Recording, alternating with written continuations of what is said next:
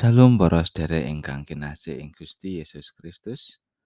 Wilujeng pepanggihan malih wonten ing Sabdo Winedhar. Renungan Madintenan basa Jawi. Monggo sadèrèngipun kita nampeni sabdanipun Gusti, kita ndedonga langkung rumiyin. Gusti Allah Rama kawula kasuwargan.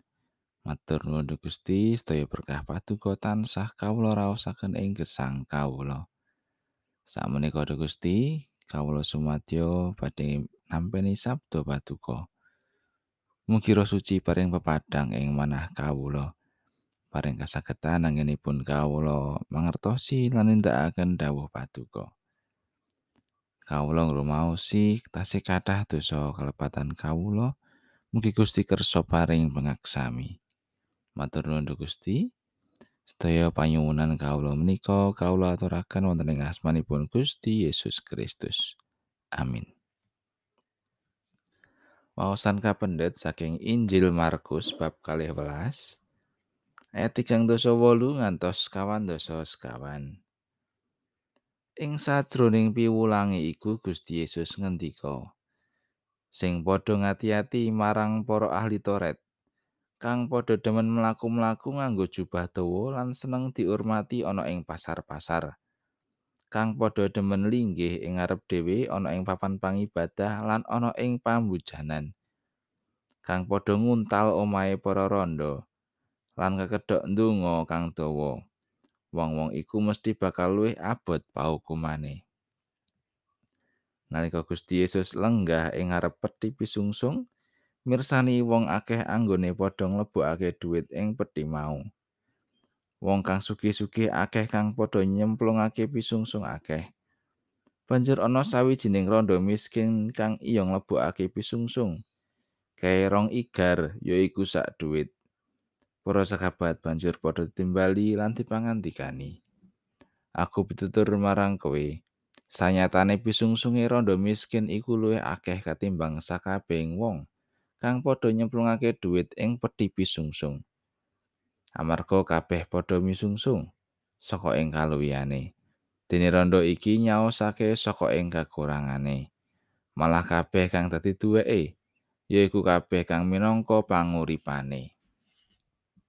Pangkatan pangandikanipun Gusti ayat na saking ayat sekawan dosa sekawan.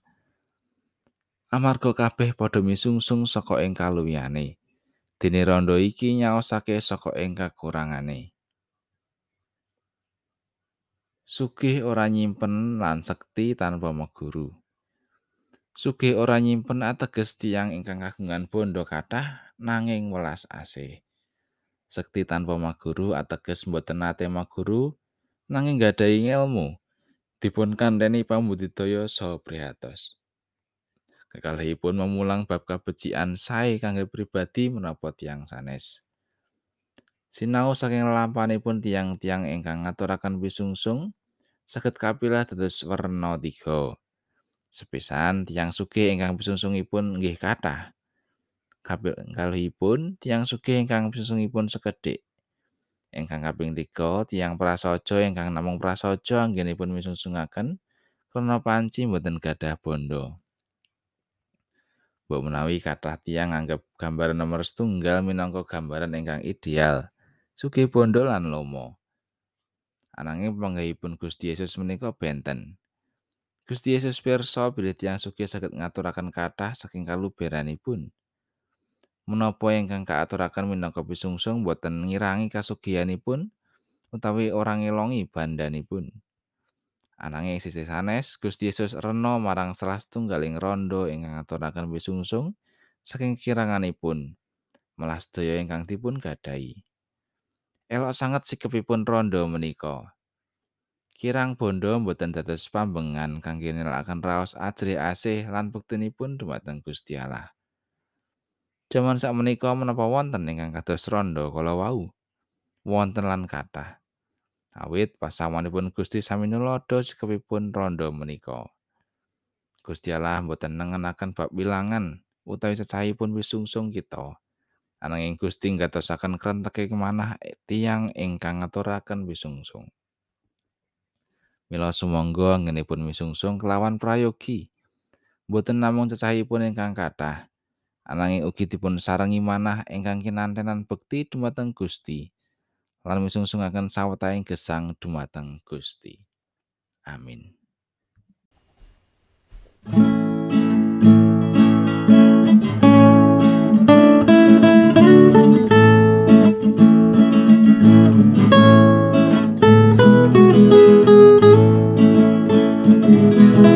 Amongku mandeliku Uiteng karosanku. Amongku mandeliku Etu ing kerajaanku. Aku tatan kuatir Pangeran bebujanku Allah hati kerajaanku Ui tingkarusanku